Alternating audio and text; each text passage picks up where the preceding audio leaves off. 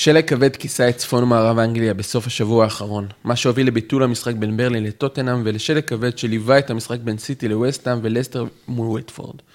רחוק משם, בלונדון, עלתה הקבוצה השנייה של מנצ'סטר, מעודדת מהניצחון באמצע השבוע בליגת האלופות, אך חסרת מאמן, חסרת ביטחון וחסרת רונלדו, לשחק מול מוליכת הטבלה. אולי בהשראת השיבושים בצפון נגרמו שיבושים כבדים גם בהתקפה של צ'לסי, ובסוף המשחק יצא יונייטד איכשהו עם נקודה לטבלה והרבה נקודות למחשבה. עליהן נדבר היום בין היתר. פתיח, והתחלנו.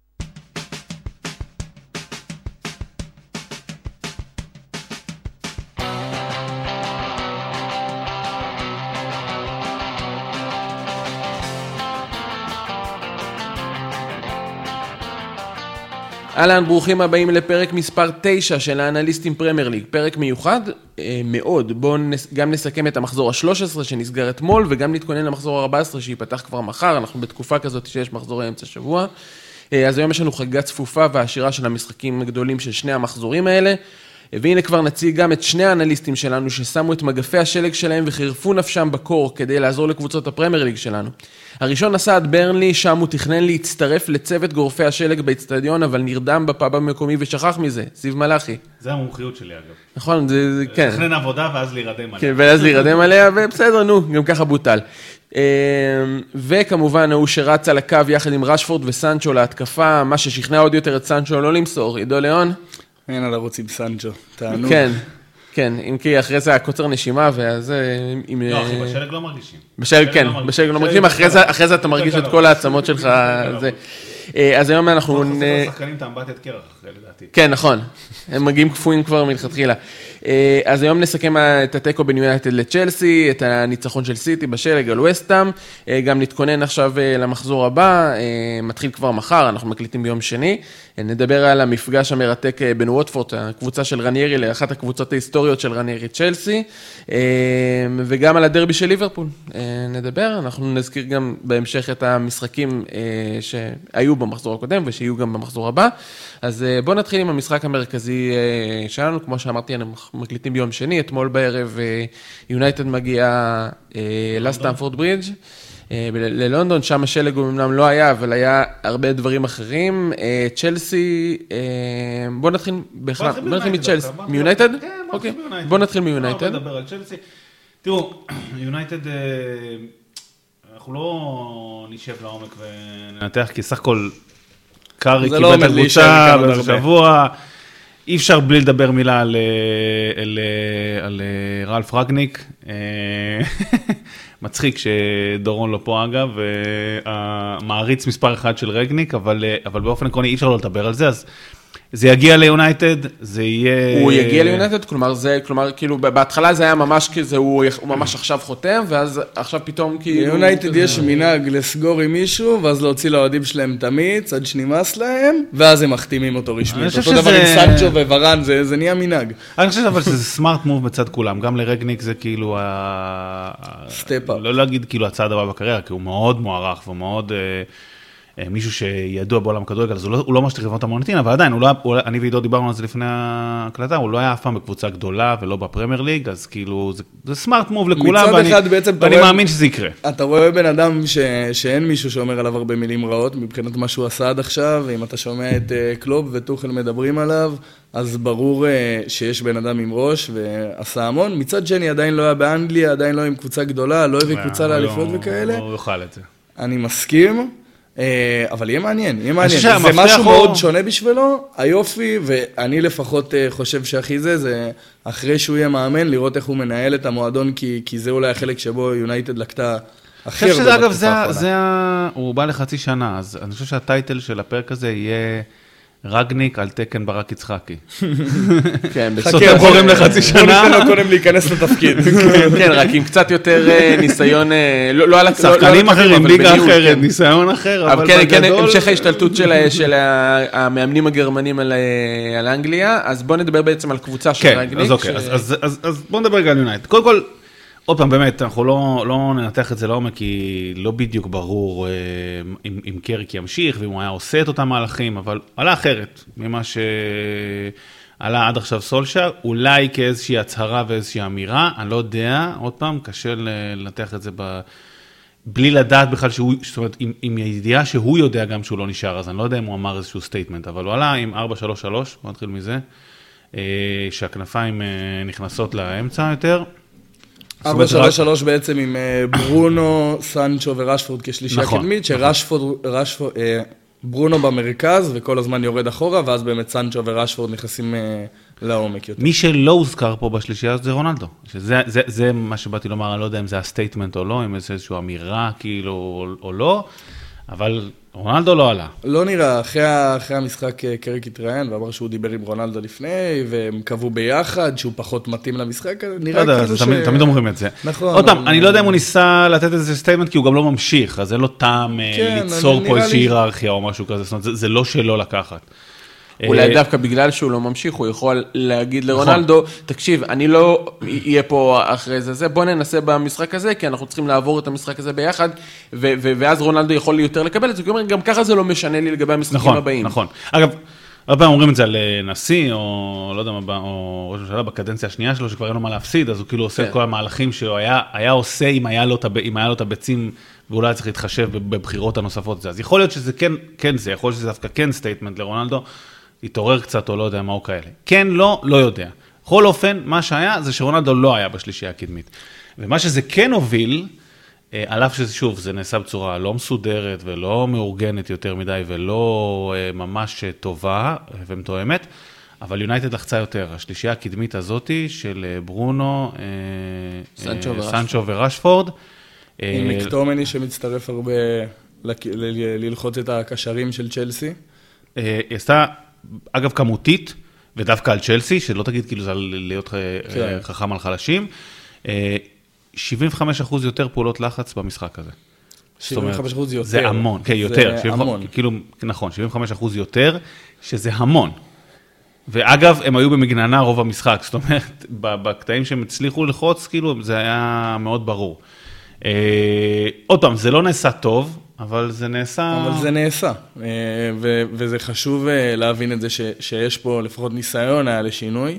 אה, אנחנו לא יודעים כמה עוד פעם הוא יתמשך, כי קארי כנראה לא יישאר תקופה ארוכה. גם ההבנה, אני, אני חוזר רגע לזה שהוא, שהוא מוריד את רונלדו לספסל, כלומר ההבנה היא שרונלדו כמובן שחקן מעולה, שחקן מדהים, שחקן שהוא המרכז של יונייטד בעונה הזאתי, אבל הוא לא עושה את הלחץ. כלומר, נכון. הוא לא, ואם אתה רוצה לעשות את הלחץ, אם אתה רוצה לעשות, אתה צריך לשנות משהו, ו- ו- ו- גם הלחץ וגם אה, יכול להיות גם ההתאמה של סנצ'ו ורשפורד ל- כן. למשחק הזה של לחזור נכון. מהר להגנה, ומצד שני לרוץ לעומק עם המהירות ביניהם. שלהם. אה, אני, אני אגב מציין את כל סיפור הלחץ, מחבר אותו רגע ל, לרגניק. רגניק הוא, אה, לא רוצה להגיד מאבי, אבל אחד מהאנשים שעזרו לקדם את התפיסה הגרמנית המודרנית הכי, הכי הרבה, שבנויה על לחץ הוא בטירוף. נטען כאבי הגגן pressing. כן, אז, אז, אז, אז אה, גם קלופ מתייחס אליו, וכל המאמנים הגרמנים, וזאת הסיבה שאני מחבר את זה רגע ללחץ של יונייטד, בלי רונלדו, אה, כי זה מתחבר, זה מאוד מעניין לדעת מה יקרה אה, לרונלדו בימי רגניק, אחד השחקנים הכי מעניינים יהיה תחת כי רגניק, רונלדו איך הוא- לא לוחץ, ורגניק, פילוסופיית המשחק שלו היא 100% הלחץ, 100% מאה הלחץ. אחוז כולם לחץ משתתפים. והעבודה הקשה. יש את הסיפור תמיד שכשקלופ פגש לדעתי עם מיינץ את הופנהיים של רגניק, אז בסוף המשחק הוא הלך לרגניק ואמר לו, איך שאתה משחק ככה אני רוצה לשחק. זאת אומרת, רגניק, קלופ לוקח המון אה, דברים מהמשחק שלו מרגניק. משמע, משחק מאוד שונה עומד להיות ביונייטד כנראה בקרוב. אה, כן. יהיה מעניין, יהיה מעניין זה, לראות זה איך זה מאוד משתלב. מעניין אגב, זה מאוד מעניין, כי רגניק גם אה, לדעתי חכם יותר מאשר להיכנס לאיזה עימות חזיתי עם אה, רונלדו. anyway, זה מעניין, וזה קרה המשחק הזה, אנחנו רגע נוריד את זה לקרקע למשחק מול צ'לסי, זה קרה. קרה בלי רונלדו, זה פחת משמעותית כשרונלדו נכנס במחצה השנייה. וזאת נקודה מעניינת, צריך לשים עליה לב. אני מניח עוד פעם, בשבועות הקרובים, בהנחה שרגניק יחתום, זה לא אה, יבוא לידי ביטוי תוך שבוע או שבועיים, אבל זה מעניין מאוד לראות מה קורה עם זה. אה, לגמרי, נראה לי. נעבור למשחק עצמו עכשיו. סבבה. קצת אה, אחרי, אחרי רגניק. אז יונייטד באמת, כמו שכשדיברנו, שיחקה עם אה, שלישיית קישור, מטיץ', מקטומני ופרד, שמשהו שאתה זיו דיברת איתי עליו ממזמן, היא הגדרת הקשר האחורי, אה, שאחת הבעיות במערכים בעצם שיש כמה שחקנים, היא מי מוגדר כקשר אחורי. אחד הדברים שאני כן יכול לציין לטובה, זה שמטיץ' שבאופן מובהק היה הקשר האחורי במשחק הזה מבחינת השלישייה הזאת, היה מבחינת המיקום שלו הכי טוב שראיתי, העונה מבחינתו, עוד פעם, הקישור של יונייטד לא קיבל כנראה מחמאה אחת כל העונה, אז זה לא איזה סטנדרט כזה גבוה לעמוד בו. אבל בסופו של דבר מטיץ' היה ממוקם ועשה את העבודה שלו בצורה טובה, זה נכון שצ'לסי, ונגיע לזה, הייתה מעולה והגיעה להזדמנויות, אבל מטיץ' עשה בסך הכל עבודה טובה, גם סיים אה, עם עשרה מאבקים הגנתיים ב-70% הצלחה, שזה מעולה. אה, ומקטומני היה הקשר ההתקפי יותר מבין השמונה, השלושה. כאילו, השמונה. אה, כן, כביכול שמונה, עזר מאוד בלחץ, אם זה לשמור את לופטוס צ'יק וז'ורג'יניו שיורדים לבלמים, ועוד מעט נדבר על איך זה עובד.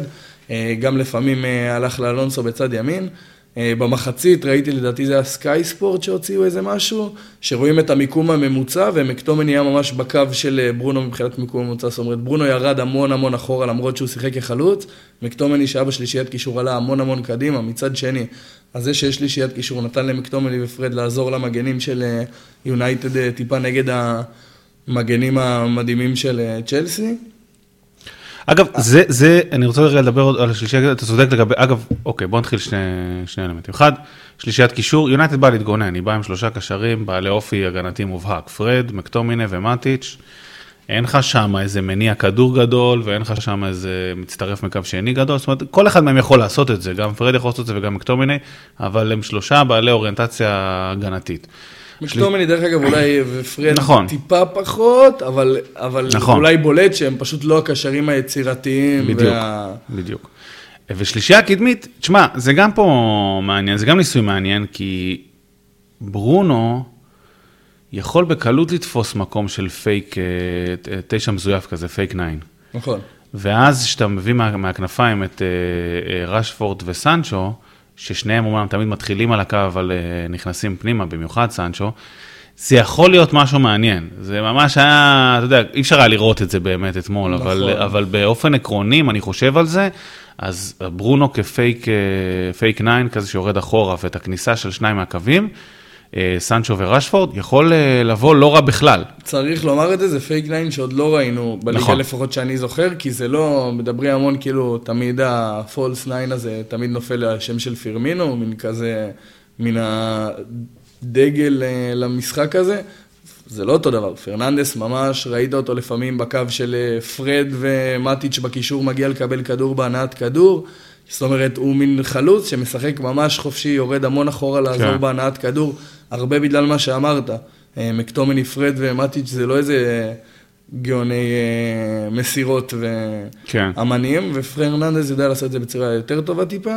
אה, המון בגלל זה הוא גם יורד, וגם המון כי המיקום הטבעי שלו הוא למטה כשאתה משחק נגד קבוצה שהיא כמה רמות מעליך כרגע. ושוב לא ראינו את ואן דה ביק, בקטנה, בסוף. ראינו את ונדביק בקטנה, אפשר להגיד שנותנים לו טיפה יותר קרדיט. אה, הוא עלה אחרי שתי כמה, דקות, לא, כן. כמה הוא עלה? לא, כמה דקות, אחי, זה לא נחשב קרדיט. מצד שני, בשלושה משחקים האחרונים, הוא שיחק כנראה יותר ממה שהוא שיחק כל העונה. זאת אומרת, הוא, פתח משחק שעבר לדעתי של יונייטד. לא, הוא לא פתח. הוא פתח בליגת האלופות? הוא בוודאות שיחק הרבה יותר, בואו אני שנייה אבדוק. אה, אוקיי, אה, בינתיים שאתה בודק, אה, נראה לי עוברים לצ'לסי, לא? מה אתה אומר? אה, כן, בוא נדבר על צ'לסי באמת, ואיך צ'לסי בעצם בנתה את המשחק הזה, כי צ'לסי מגיעה הרבה מאוד למצבים, אבל איכשהו, אה, המון החמצות, בעיקר במחצית הראשונה. אה, אז ו- קודם כל... מה הם אה, עשו טוב? אז קודם כל ככה, ורנר חזר, כן. אה, אבל לדעתי... אמרנו המון החמצות, אמרנו ורנר. אמר, בדיוק, אני הזכרת את זה. שנייה אתן את הזה, ונדביק שיחק אה, בליגת אלופות 66 דקות והוחלף, ובליגה נגד ווטפורד שיחק מחצית אחת. נכון. זאת אומרת, זה הרבה יותר, זה, זה לא משהו שהוא היה לא, מקבל אבל דווקא ספציפית. אתמול הוא שיחק כמה נכון, דקות, נכון, אבל אני אבל בסדר. אני מאמין שהוא שהוא ישחק יותר גם עם רגניק, אבל בסדר. נכון. אנחנו חוזרים לצ'לסי, אז צ'לסי, אה, דיברנו על טובה. אה? קבוצה סך טובה, הכל בסדר. קבוצה טובה, סך הכל קבוצה. טובה. חייב להגיד את האמת, אה, מפעם לפעם, זאת אומרת, ממחזור למחזור, התיאום נהיה יותר טוב, אה, והם פשוט נראים טוב, תכף נפרק את זה אחד-אחד, כאילו, אה, לחוליות, אחת-אחת התכוונתי, אבל הם, הם, הם פשוט נראים טוב. המשחק שלהם שוטף, רץ, מהיר, כל אחד יודע מה הוא עושה, לאן הוא צריך לרוץ, לאן הוא צריך לפתוח, לאן הוא צריך לקבל את הכדור, ואני חייב לציין, כמעט כל משחק מתחלפים שם איזה שניים, שלושה שחקנים, והסיסטמה רצה, זה עובד, הסיסטמה פשוט רצה. ורנר חזר עכשיו, שאתה יודע, הוא כן משפיע על השלישייה הקדמית, וזה רץ. רואים שינויים קטנים בין כל שחקן לשחקן, לופטוס נכון. צ'יק רואים את אה, זייח. פתאום נכנס נכון. להרכב. לא, זה- יש- את אבל- השינויים. אבל הסיסטם הכללי עובד מאוד מאוד יפה, ונראה גם שכולם יודעים לשחק עם כולם, ואין, ממש. לא נראה שיש איזה שחקן שאתה אומר, הוא לא שיחק הרבה, וואלה, הוא נראה קצת פחות אה, ממוקם נכון, בדיוק. כולם נראים אה, בדיוק, די אגב, מדויקים. בדיוק, זה, זה מה שרציתי לומר בחילופים, כולם יודעים לשחק עם כולם, זה כאילו, אם פתאום נכנס אה, זייח, אז, אז ג'יימס ידע להגיב, ו... טוב, אתה יודע מה, בואו נפרק את זה תכף אחד-אחד. אז קודם כל דיברנו על זה בעבר, הם מגיעים הרבה פעמים עם הנעת כדור של שלושה בלמים מאחורה, משם יש שתי סגנונות של קידום הכדור, אחד, או לשני הקשרים המרכזיים שהפעם הם אלה היו, הם שיחקו ב-3-4-3 הרגיל שלהם, שבמרכז אה, שני הקשרים היו ז'ורג'יניו ולופטוס צ'יק. אה, אלונסו, באגף שמאל אגב, בניגוד למשחקים האחרונים של אה, צ'ילדוול. אה, צ'ילדוול פצוע, כן. כמובן. אה, ושלישייה קדמית של ורנר, אה, הדסון אודוי וזייח מצד ימין. נכון. הדסון אודוי מצד שמאל, ורנר במרכז וזייח מצד ימין. אה, אז, אז כמה דברים אני רוצה להגיד על זה. אחד, אז הנעת הכדור היא או, או דרך המרכז, ואז לשחקנים שמאחורי החלוץ, שזה תמיד זייח והדסון אודוי. פעם זה עבד קצת אחרת, אבל אה, באופן עקרוני. או אה, ככדורים ארוכים למגנים, לשחקני הכנף, שזה אלונסו במקרה הזה, וג'יימס. כבר בעשר דקות הראשונות היה איזה פעמיים או שלוש שהיה כדורי אה, בלמים לאלונסו, ונוצר נוצר מזה הזדמנות, אז זה כאילו מתודה מאוד ברורה. כן, כבר כמה מחזורים אפשר לראות ממש את המין אה, תבנית אה, 3, 2, 2, 2, 1 של שלושה בלמים, לפניהם שני הקשרים, הפעם ג'ורג'יניו ולופסוס צ'יק, בלמים מרווחים מאוד את המשחק, שני הקשרים נכנסים לאמצע, ואז גם בעיבוד כדור הם סוגרים את האמצע ובעצם לא כל כך חשופים. מצד שני, אחלה אופציה, ואז יש לך את אה, שני המגנים, זה הג'יימס וצ'ילואל, עכשיו האלונסו, שהם לג אחד קדימה ומוכנים לכדורים הארוכים. בה half spaces האלה, קאלום הדסון אודוי ו... קאלום הדסון אודוי וזייח מצד ימין. וזייח כן. והבאנו מקדימה. אז, אז מה שרציתי להגיד, למה אמרתי את זה? כי בעשר דקות הראשונות, כי דיברנו על זה לפני דקה. לא משנה מי נכנס, עד לפני משחק אחד היה שם צ'ילוול, והרגע נכנס אה, אלונסו להרכב, וכאילו זה רץ אה, בעשר כאילו דקות דיברו על הראשונות. צ'ילוול כאילו כשחקן מפתח, יחד עם ריס ג'יימס בצד כן, למרות שאני וזה. מזכיר שאלונסו פתח את העונה מעולה. נכון, זהו, כאילו, נכון, ומה ש- אז זה מה זה- שמדהים, שריס ג'יימס, שצ'ילואל נכנס לנעליים של אלונסו, אה, ש- ששיחק מעולה, שיחק מעולה, אלונסו נכנס לנעליים שלו מחזרה ושיחק מעולה, כלומר אני- אין תחושה שמישהו השתנה פה. גם, גם אינדיבידואלית שניהם משחקים מעולה, וגם, עוד פעם, כמו שדיברנו, הקבוצה איתם היא כאילו, צ'ילדואל, אלונזו, תביא משתביא, אנחנו עושים אותו דבר, אז כאילו... אני אתקן אותך חמי לטעמי, אני חושב שמה שכרגע זה ג'יימס וצ'ילוול, זה היה אספיליקואטה ואלונסו, זה כבר לא השחקן המרכזי, אלא העמדה המרכזית. מאוד כן. בולט שהמגנים הם היוצרים הכי גדולים, מאיימים המון, הם שחקנים הכי מרכזיים בעצם בקבוצה, ובגלל זה כל מי שמשחק שם תמיד מוגדר כשחקן מפתח, זה היה אלונסו, ואז פתאום הוא נפל מההרכב, אז זה פתאום נהיה צ'ילוול. וזה- אספיליקואטה, אותו דבר לג'יימס. זה כל הזמן משתלב, ומי שישחק שם יהיה שחקן מאוד משמעותי, לטוב או לרע. אה, כן, אז זה, אז זה דבר ראשון. אגב, אה, מה שכן אה, אלונזו מביא איתו חזרה שצ'ילדואל עושה פחות, זה קרוסים לרחבה. נכון. והמשחק הזה, אה, אה, היו יותר קרוסים לרחבה, זאת אומרת, אה, מהמשחקים הקודמים של צ'לסי. אה, זה בוודאות, אה, הם, הם הכניסו 17 כדורי רוחב לרחבה, שזה בערך ממוצ... 55% מעל הממוצע העונתי שלהם. זאת אומרת, פתאום אלונזו מגיע להרכב, אז, אז זה דיברנו, הסיסטמה עובדת טוב, עובדת אותו דבר, ויש שם את האדפטציות הקטנות. זאת אומרת, כששחקן נכנס להרכב, פתאום יש את האדפטציה הקטנה ש, שקורית, אה, אבל עדיין הסיסטמה עובדת טוב, הוא תמיד יקבל שם את הכדור, הוא יעשה דברים טיפה שונים, אבל, אבל עדיין הם בתוך הסיסטמה, וזה... וזה זה ממש מדהים לראות, באמת. טוחל מרגע לרגע נהיה כאילו... הקבוצה נהיית אש. נכון. אה, אם כבר מדברים באמת על התיאום הזה, אפשר לדבר באופן ספציפי, גם אני ואתה דיברנו על זה מקודם, אה, איך זה בא לידי ביטוי עם המגנים והשחקני כנף, שכל פעם אתה רואה שהם יודעים אם המגן הוא זה שעושה את התנועה לתוך הרחבה, והשחקן כנף הולך לקו, או הפוך, כל פעם מתואם בין ריס ג'יימס. לזייח, כל פעם מתואם בין מרקוס אלונסו, שרק עכשיו משחק אחרי תקופה ארוכה, עם אודסון אודוי, תמיד מתואם, תמיד יהיה את האחד שעושה את התנועה לשם, את האחד שעושה את התנועה לשם, והכל אה, נראה כמכלול, ספציפית המגנים והשחקני הכנף עשו את זה בצורה מדהימה. מדהימה. אה, האמת, אני רוצה להרחיב על זה, כי זה פשוט נקודה שהיא בעיניי אש, אש, כאילו, נסביר רגע. הם הרבה פעמים משחקים עם שחקן, כנה, שחקן על הכנף, צ'לסי, עכשיו, אה, ושלישייה קדמית. הרבה פעמים במבנה הזה של אה, שחקן כנף, שהוא או אלונזו בצד שמאל, או אה, ג'יימס בצד ימין, שחקנים שעולים מאוד חזק, כשמשחקים גם שלישייה קדמית, על הקו הקדמי יש או את זייח מצד ימין, או את הדסון אודוי בצד שמאל. ואז בקבוצות שפחות מאומנות טוב, לפעמים זה לא עובד טוב, שחקנים... כי הם דורכים אחד לשני על ממש, בדיוק, דורכים אחד לשני, יש לי אפילו כמה קטעי וידאו להראות על זה, הראיתי אותם פעם באיזו הרצאה שאני עושה, אה, איך זה לא עובד טוב. ופה, 90 דקות זה עבד מדהים. אם בצד שמאל הדסון אודוי יצא לקו, אלונזו נכנס לאמצע, בין הבלם למגן שלו, בצד אה, ימין של ההגנה של יונייטד, שמאל שלו. אה, והם, ואותו דבר, ואם קרה הפוך, אם אלונזו בעצם מצא את עצמו על הקו, אז הדסון אודוי נכנס פנימה. אותו דבר קרה בצד השני. תמיד שג'יימס קיבל את הכדור על הקו אל הדריבל, וזה שוב גם חשוב להגיד, כי יש שחקנים שטוב להם הדריבל, וטוב לפנות להם את הקו, כמו ג'יימס, לצורך העניין, או הדסון אודוי, אה, בצד שני, ואז זייח לא ייכנס לו במסלול, הוא יפנה, הוא ייכנס פנימה בין מגן לבלם. אה, ואם זייח מצא את עצמו על הקו, אז אה, ג'יימס נכנס טיפה פנימה. אה, זה היה טיפה יותר, שבצד ימין ג'יימס יותר על הקו וזייח נכנס פנימה, הרבה יותר מתאים לאופי שלו, ובצד שמאל זה היה הפוך, אלונסו נכנס טיפה יותר פנימה, והדסון אודוי היה על הקו הרבה פעמים, אבל בהקשר של העבודה שלהם ביחד, האמת, להוריד את הכובע, באמת, להסתכל על הוידאו מהמשחק הזה ולהוריד את הכובע, 90 דקות זה עבד. עם חילופים נונסטופ, מי על הקו, מי נכנס פנימה, מי על הקו, מי נכנס פנימה, וזה פשוט עבד מעולה. אה, לגמרי, לגמרי. אה, אפשר להגיד גם שזה עבד אה, די במשחק לחץ של צ'לסי, שהיה די נכון. אפקטיבי, גם מבחינת השלישייה הקדמית שלוחצת בצורה מעולה את השחקני הגנה, ההצטרפות של המגנים בלחץ.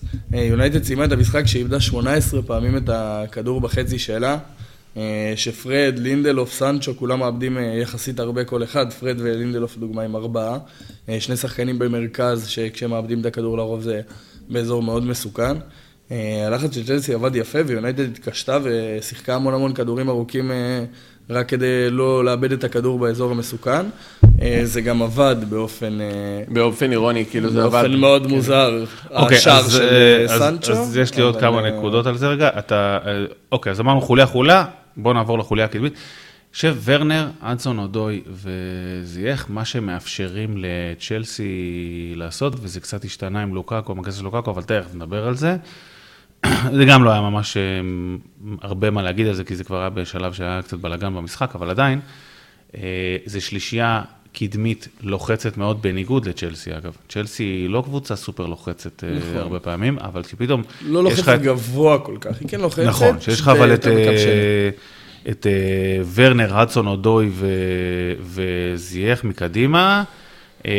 פתאום נהיה לחץ, כן, לדוגמה... שלושה שחקנים יותר תזוזתיים, יותר מהירים. אני חושב שזה גם השילוב של שלושה מהירים יותר, וורנר יכול לסגור שטחים, זאת אומרת שהוא לוחץ את הבלמים, הוא יכול לסגור את השטחים ביניהם אה, בצורה מאוד אה, טובה ומהירה, אה, אז רק בשביל לשים נתון על זה, זה הם עשו 25% פעולות לחץ יותר מאשר בממוצע העונתי שלהם. ושנית, אני חושב שהם גם העריכו את יונייטד כחיה פצועה וכאילו באו ללחוץ עד הסוף. זה דבר ראשון. אבל, אבל זה מאפשר לצ'לסי ללחוץ יותר, שזו פעם ראשונה שראיתי אותה לוחצת ככה גבוה ובאינטנסיביות כל המשחק, זה דבר ראשון. דבר שני, אמ, האמת, כמה, כמה דברים אה, קטנים. דיברנו על לחץ של יונייטד, אה, אני רוצה להזכיר את זה אחר כך גם בהקשר של צ'לסי וווטפורד, שאנחנו נדבר על זה. אה, יונייטד לחצה, וצ'לסי אומנם ידעה להתמודד עם זה, כי זה לא היה לחץ מתואם, אבל מצד שני, לא מעט פעמים זה גם הקשה עליה. הנקודה שאני רוצה לקחת אחר כך לווטפורד, ונדבר על זה. שיונייטד יכולה, כאילו, יש לה, יש לה את היכולת גם ללחוץ, כלומר, יש לה את ה... זה לפעמים, לפעמים גם עוד, אפקטיבי. עוד, עוד לא ראינו את זה באמת, כן, אה, לפעמים- כי בסוף זה נכון שהיא לחצה יותר, אבל עדיין קריק לא מאמן הרבה זמן, ויונטד לא רגילה ללחוץ ככה שזה לא נראה כל כך טוב, אבל יש כמובן- את האופציה הזאת, אה, כמו לכל קבוצה, מאוד תלוי מאמן ועבודה ביחד. כן. כן. אה, וגם אפשר לדבר טיפה על הסוף של המשחק, אה, טוחל עשה שם המון חילופים, כבר באחד-אחד, זה היה נראה לי הרבה יותר אה, run and בלאגן אה, מאשר משהו מסודר. איך אתה אוהב, איך כן. אתה אוהב את הביטוי. אמת על זה האמת, אה, ריין בלאגן, זה לוקקו נכנס, זה פוליסיץ', זה אה, מאונט, פוליסיץ'. כאילו בתור השחקן כנף, כאילו מחליף את המגן הימני. אה, ועוד משפט אחד קטן, אה, יונייטד, אה, סליחה, נתנה גול, אתה יודע, משהו יחסית מקרי, אבל מה שלא היה מקרי, שהיה איזשהו שלב אה, שצ'לסי, קראתי את זה, לא יודע, שמתי תחת הכותרת של האם היא הייתה קצת זכוכה מדי. זה הלך טוב והלך טוב, והתחילה במחצית השנייה ולחצה את אה, יונייטד ולחצה ולחצה ולחצה. וזה כאילו כאן המקומות הקטנים שדווקא אני מרגיש, נתתי המון מחמאות לטוחל עכשיו, שכאילו פה צריך רגע לעצור ולשלוט. אה, תסתכל בריפליי של השער, אה, בדרך כלל בכל מצב נייח, אה, נייחים או קרנות, נשארים שני שחקנים מאחורה. והפעם נשאר רק ז'ורג'יניו. עזוב את זה שהוא עשה טעות אה, בהשתלטות על הכדור, כאילו, בסדר. זה שהוא ניסה להשתלט על כדור. לא, סבבה, זה טעות שלו, אין ספק, אבל גם, גם כמשהו מערכתי, בחיים לא נשאר אחד מאחורה. תמיד נשארים אני שניים. מבין מה אתה אומר. תמיד נשארים שניים. עכשיו, אם היה שם עוד אחד, אני לא יודע אם להגיד, היה עוצר את הגול, אתה יודע, אי אפשר כאילו לשחק בוואט איף כזה, אבל בטוח היה לסנצ'ו ורשפורד זה היום, שניהם? סנצ'ו כן. ורשפורד. היה יותר קשה, מישהו היה יותר מפריע להם, מישהו ואולי אגב, כאילו. ואולי היה גם, גם את הכדור הזה שברח לז'ורג'יניו בהשתלטות, היה מישהו בא ופשוט ובועט בועט ומעיף. אז מעבר לטעות המאוד נקודתית של שחקן, שזאת גם זכיחות, הייתה איזושהי טעות אה, מערכתית אה, שהיא כאילו הייתה קצת... זה, זה מעניין מה שאתה אומר. אני, אני גם התלבטתי על זה נורא, רשמתי לי את זה כנקודה, וזה לא היה במצב הנייח היחיד הזה. זאת אומרת, צ'לסי כמעט כל המשחק השאירה נכון. שחקן אחד מאחורה. אה, לרוב, דרך אגב, אה, לא רק ג'ורג'יניו, אבל אה, גם כן. היא השאירה כמעט כל המשחק. עכשיו, מצד אחד, דורון אמר את זה בשבוע שעבר, כדורגל בסוף משחק של סיכונים. ו- וזה מעניין מה שאתה אומר, כי יונייטד, וזה מאוד בולט במשחק, לא ניסתה לצאת כל כך הרבה קדימה. עכשיו, זה נכון שמתפרצות, בטח עם אבל זה סנצ'ו קלאסי ורשפורד. שהם יעקצו אותך אחרי נייח, זה רוצה. קלאסי. זה קלאסי. מצד שני, אם אתה באמת מסתכל על זה, ז'ורג'יני עומד בקו אחד ולפניו 10-15 מטר עומדים שני שחקני צ'לסי. עכשיו זה נכון. לדעתי יותר מ-10-15 מטר. אוקיי, גם אם קצת יותר, עומדים טיפה מקדימה, בסוף הם עומדים מאחורי סנצ'ו ורשפורד בתחילת המהלך. זאת אומרת, בעיקרון, ביציאה למתפרצת, הם אמורים אה, לתפוס את זה שם. מה שקרה שם לטעמי זה ששניהם אמרו, טוב, הכדור שלנו, הכל בסדר, נמ- נמשיך להישאר מקדימה, וסנצ'ו ורשפורד היו במין ריצת אמוק של התאבדות שאולי יקרה משהו, ובאמת איכשהו הכל השתלב וזה נפל. אני לא יודע אם הייתי קורא לזה זכיחות זה שהם השאירו אחד מאחורה. בסוף, אם צ'לסי הייתה משיגה שער בקרן, היית אומר איזה יופי וכמה שחקנים מעלים. נכון שכנראה שאתה באמת היית יושב גם ומדבר, אולי יש גם את הצדדים הפחות טובים, אבל זה מעניין, אני לא בטוח שאני מסכים איתך על זה. אתה יודע שהסיכוי היחיד של יונתן לתפוס אותך באיזה עקיצה מנייח או משהו, כאילו אתה בנייחים, לא יודע. אני- כאילו... אני- אני מבין מה אתה אומר. וגם אני אומר, לגבי השניים האלה שאמרת, הרבה פעמים אנחנו, כן, אנחנו לא נהפוך את זה לדיון נייחים, אבל אה, הרבה פעמים בנייחים יש שניים שעומדים שם ליד הכדור, זה עדיין לא מונע את זה נכון. שיש שניים מאחורה. וזה בדיוק, אגב, אתה יודע למה, כי השניים שעומדים ליד הכדור, אם יש מישהו שרץ עם כדור ארוך, הוא תמיד יעבור אותם, כי הוא מגיע עם הפנים, והשני מגינים עם הפנים נכון. להתקפה. אז אני לא בטוח שזה, שזה נכון שהשניים האלה אמורים לעצור, הם אמורים לעצור, בסדר. הם, הם לא אמורים לעצור. ז'ורג'יניו הוא זה שאמור להיות שם כגיבוי אחרון, והם אמורים להצטרף במקרה הצורך. לפחות ככה זה עבד בכל שאר הניסיונות מתפרצות של אה, יונייטד. בעצם היה את השחקן בקו האחרון, והשניים האלה תמיד חזרו אחורה אם צריך. לא היה צריך כל כך הרבה. אה, באופן כללי, יונייטד אה, לא הגיע לכל כך הרבה מצבים או הזדמנויות. כן. צ'לסי די ישבה עליהם. צ'לסי עם 25 כן. מסירות לתוך הרחבה מדויקות, יונייטד עם שניים, אחד מהם מקרן.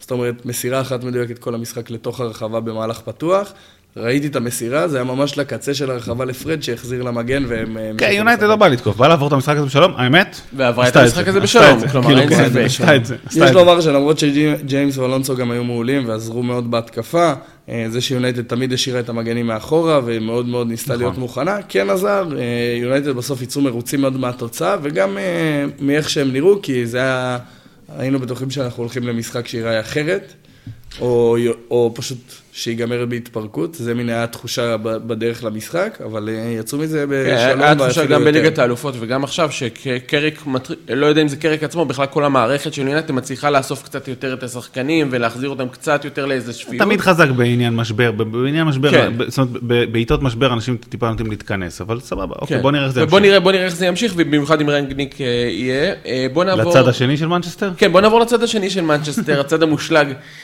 של מנצ'סטר. באצטדיון האיתיחאד אה, ווסטהאם מגיעה, ווסטהאם מגיעה אה, מאחד המקומות הראשונים, אה, מקום רביעי בעצם לפני המחזור. אה, משחק אה, שצפינו שהוא יהיה משחק צמוד, צפינו שהוא יהיה משחק לא פשוט, זה מוקש לא פשוט לסיטי, ובאמת מוקש שלא היה מאוד פשוט לסיטי, אבל בסופו של דבר סיטי מציגה איכויות. גם לא היה מאוד מסובך. נכון, לא היה מסובך, אבל, אה, אבל כלומר לא היה... נכון. ווסטהאם, כן ראו שווסטהאם מגיע עם תוכנית משחק מאוד מאוד ברורה, שהיא הצליחה להגשים אותה בצורה מסוימת, אבל אה, סיטי הייתה הרבה יותר דומיננטית. בסופו של דבר... אה, אין ספק, אז, אה, אז נראה לי שנתחיל אה, נתחיל מווסטאם. כן. יאללה. ו- ומהמערך שלה. כן, בוא נדבר על של ווסטהאם. אה, אז ווסטאם עלתה ב-4-4-1-1, אה, מערך שהיא לא עלתה איתו הרבה בעונה. לרוב פעם ארבע- שנייה בלבד. 4-4-2. זה 4-2-3-1. היה מאוד- נכון, זה היה ממש 4-4-1-1 מובהק. מאוד ברור. כן. שאנטוניו נשאר ממש מקדימה, בהתקפות, מאחוריו בן רחמה מנסה קצת לרוץ בין הבלמים ללחוץ, ושני קווים של 4 ו-4 מאוד צפופים, מאוד מאחורה, לא מנסים, בעיקר מנסים לחסום אה, את הקבוצה של פפ מלהגיע לאזורים האהובים של פפ שם ב-half spaces, ומנסים אה, לדאוג אה, שיהיה להם צפוף וקשה. זאת אומרת, וסטאם לא מאוד ניסתה למנוע מסיטי להגיע לשליש האחרון של המגרש, אלא ניסתה ברגע שסיטי מגיעה לשליש האחרון של המשחק לצופף כמה שיותר, אה, והמערך הזה אפשר לה את זה.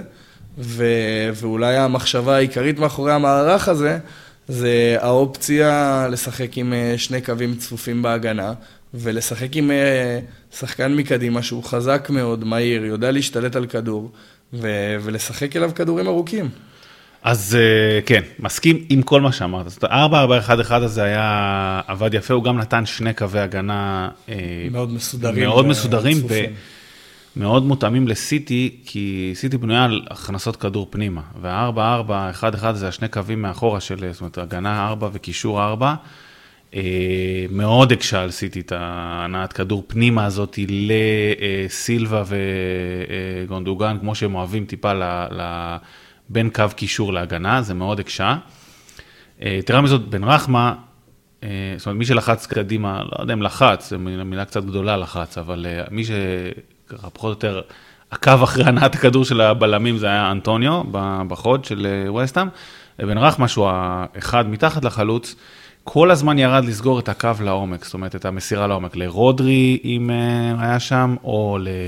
אם סילבה הגיע לקבל את הכדור, כל הזמן הוא הלך עם השחקן הזה, וזה מאוד מאוד הקשה על אה, סיטי ההנעת כדור. כן, בעצם כשאתה עומד עם שני קווים של ארבע כל כך צפופים, מה שסיטי ובטח הקבוצות של פפ אה, אוהבות לעשות, זה בעצם להניע ולנסות אה, להזיז את לשבור השחקן גם בין ההגנה. הקווים. וברגע שבן רחמה מאוד מקשה על רודרי ועל כל השחקנים באזור הזה של הקו הטיפה יותר אחורי, שמין מניע את הכדור מצד לצד בהתקפות, ברגע שבן רחמה כל הזמן לוחץ אותם, או... זה לא באמת לחץ, אלא יותר מונע מהם את הקווי מסירה. אה, אז באמת אה, הקשה מאוד על סיטי מהבחינה הזאת, שעדיין הייתה בסדר בסך הכל, אפשר להגיד. לא, הייתה בסדר, בואי, לא, הם לא... תראה, אז רגע, עוד, עוד דבר שאני רוצה להגיד, גם הקו קישור, אגב, וזה היה מאוד יפה לראות לדעתי, אה, כל הזמן שיחק בשלוש ואחד. זאת אומרת, שלושה נשארים על הקו, שומרים, ותמיד אחד, או בשמאל או בימין, יוצא למגן, זאת אומרת, הנעת כדור של סיטי מבוססת על או להכניס כדורים בין הקווים, או לפתוח את זה דרך המגנים. אה, ותמיד, אה, או פורנלס בצד ימין, או... ג'ונסון. ג'ונסון בצד שמאל, לא, ג'ונסון הוא מגן ימני, מסואקו. כן, ב- כן. ב- מסואקו, מסואקו, אה, כן. כן, אה, עשו את זה בצורה שהם כאילו יוצאים אה, אל המגן שלהם וחוסמים את ההנעת כדור. כל הזמן נשאר שם קו של שלושה קשרים ששומרים על הקו, ואחד שיוצא למי שמקבל את הכדור, בנוסף לבן רחמה שסוגר את מי שמקבל את הכדור באמצע. האמת, זה פשוט עבד פעם אחרי פעם. פעם בשמאל, פעם בימין, פעם בשמאל, פעם בימין, פעם בשמאל, פעם כמו- בימין, זה היה... קצת כמו איך שרביעיית הגנה זזה, ששלושה, ש- שאם כן. התקפה באה בצד ימין, אז המגן השמאלי יצא לשחקן, והשלישייה תבוא ותצמצם בקו אחד, אותו קישור. דבר, רק בקו קישור, דבר שרואים הרבה פחות, אפשרי כמעט ורק ב-4-4-1-1 או 4-4-2 קווים. אה, ממש יפה, ממש היה עבודת יפה, באמת- הגנה באמת אה, יפהפייה, כאילו זה היה ממש, אה, זה, וזה עבד, אגב. אה, מבחינת אה, חטיפות כדור ויירוטי כדור, אה, לווסטהאם היה 20% מעבר למה שיש להם ב- ב- בממוצע העונתי. עכשיו, זה ברור כי מול סיטי הם, הם יעבדו יותר קשה, אבל זה גם עבד טוב, זה סגר את קווי המסירה בצורה מדהימה, מדהימה. אז זה באלמנט ההגנתי שלהם. האלמנט ההתקפי התבסס, נגעת בזה, נראה לי, על, על, על כדורים ארוכים. אה, למיקאיל.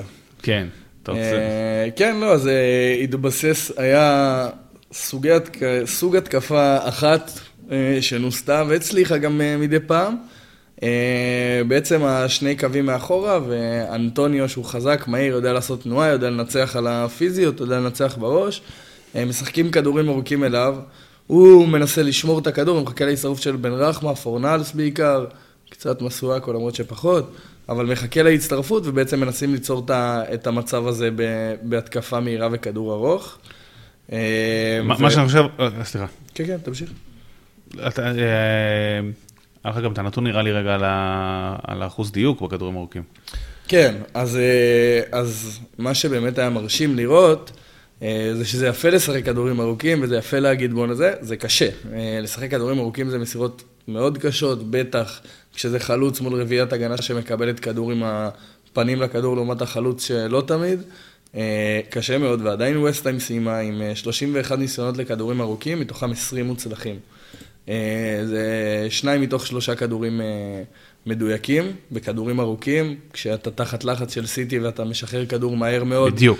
כי ווסטהאם ניסתה מאוד לא לאבד כדור, זאת אומרת, ווסטהאם לא רצתה, אה, קצת כמו שהיא עשתה נגד ליברפול, לא רצתה ליפול ללחץ של, אה, של הקבוצות האלה, של סיטי וליברפול, מרחיקה מאוד מאוד אה, את הכדור מהר, לא מנסה להניע את הכדור יותר מדי, אה, ו- וזה היה מאוד מאוד מדויק ו- ויפה לראות, ואנטוניו גם עשה עבודה מאוד מאוד טובה.